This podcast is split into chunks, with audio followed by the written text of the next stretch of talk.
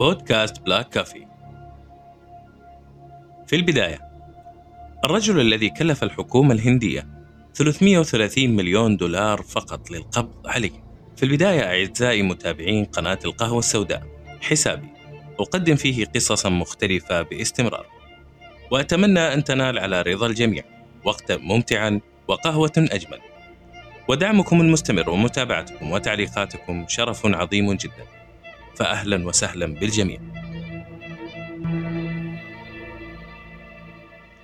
في 19 أكتوبر من عام 2004 ميلادي صحيت الهند من كابوس مرعب فضل معاهم عشرات السنين.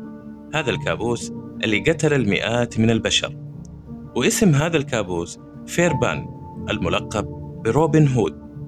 ولد فيربان في 18 يناير سنة 1952 ميلادي. في عائلة في الهند في منطقة اسمها كارناتاكا وبدأ مسيرته الإجرامية منذ نعومة أظافره بمساعدة عمه اللي كان اسمه سالفي.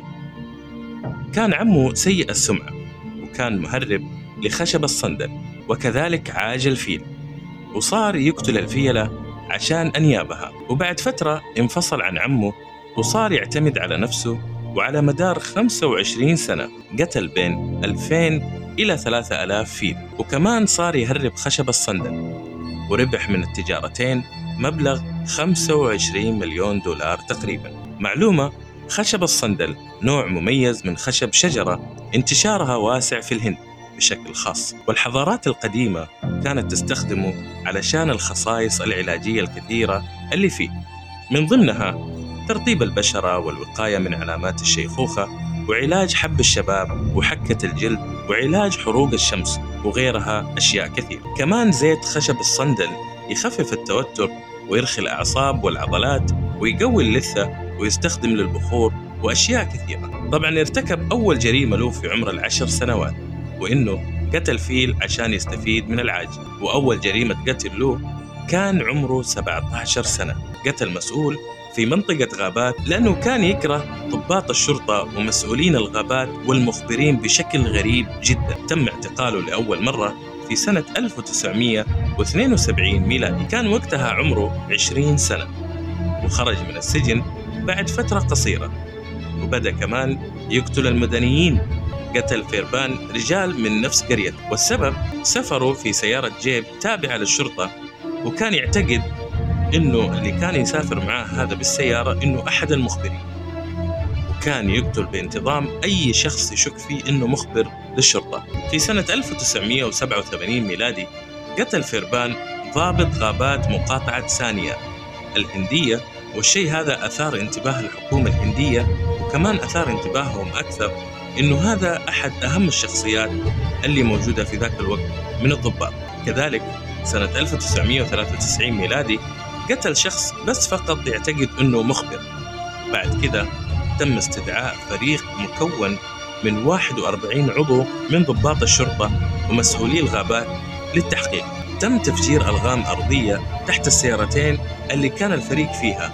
أدى هذا الانفجار إلى مقتل 22 عضو من الفريق وكان هذا أكبر قتل جماعي قام فيه حتى الآن. وفي سنة 1992 ميلادي دخل على مركز شرطة مع عصابته وقتلوا فيها عدد من الرجال واستولى على مجموعة من الأسلحة وبعدها بستة أشهر قتل ستة أفراد شرطة من نفس المركز اللي داهموه قبل ستة أشهر.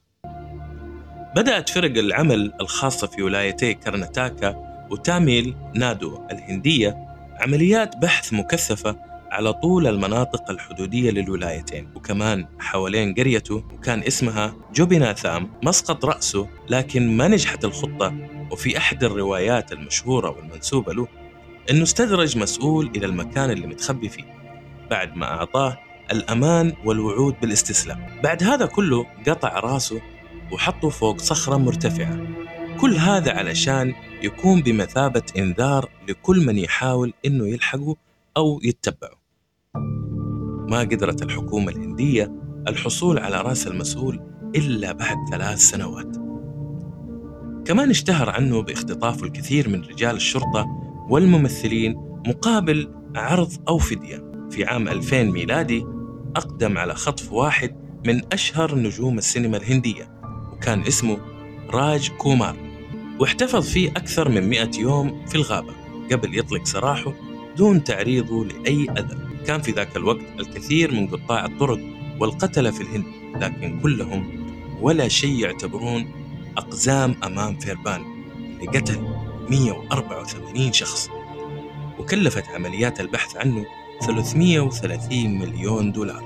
في عام 2004 ميلادي حس فيربان بالضعف بعد أن تعب المرض عشان كذا قرر الخروج من الغابة اللي صارت في الأساس مملكة خاصة فيه.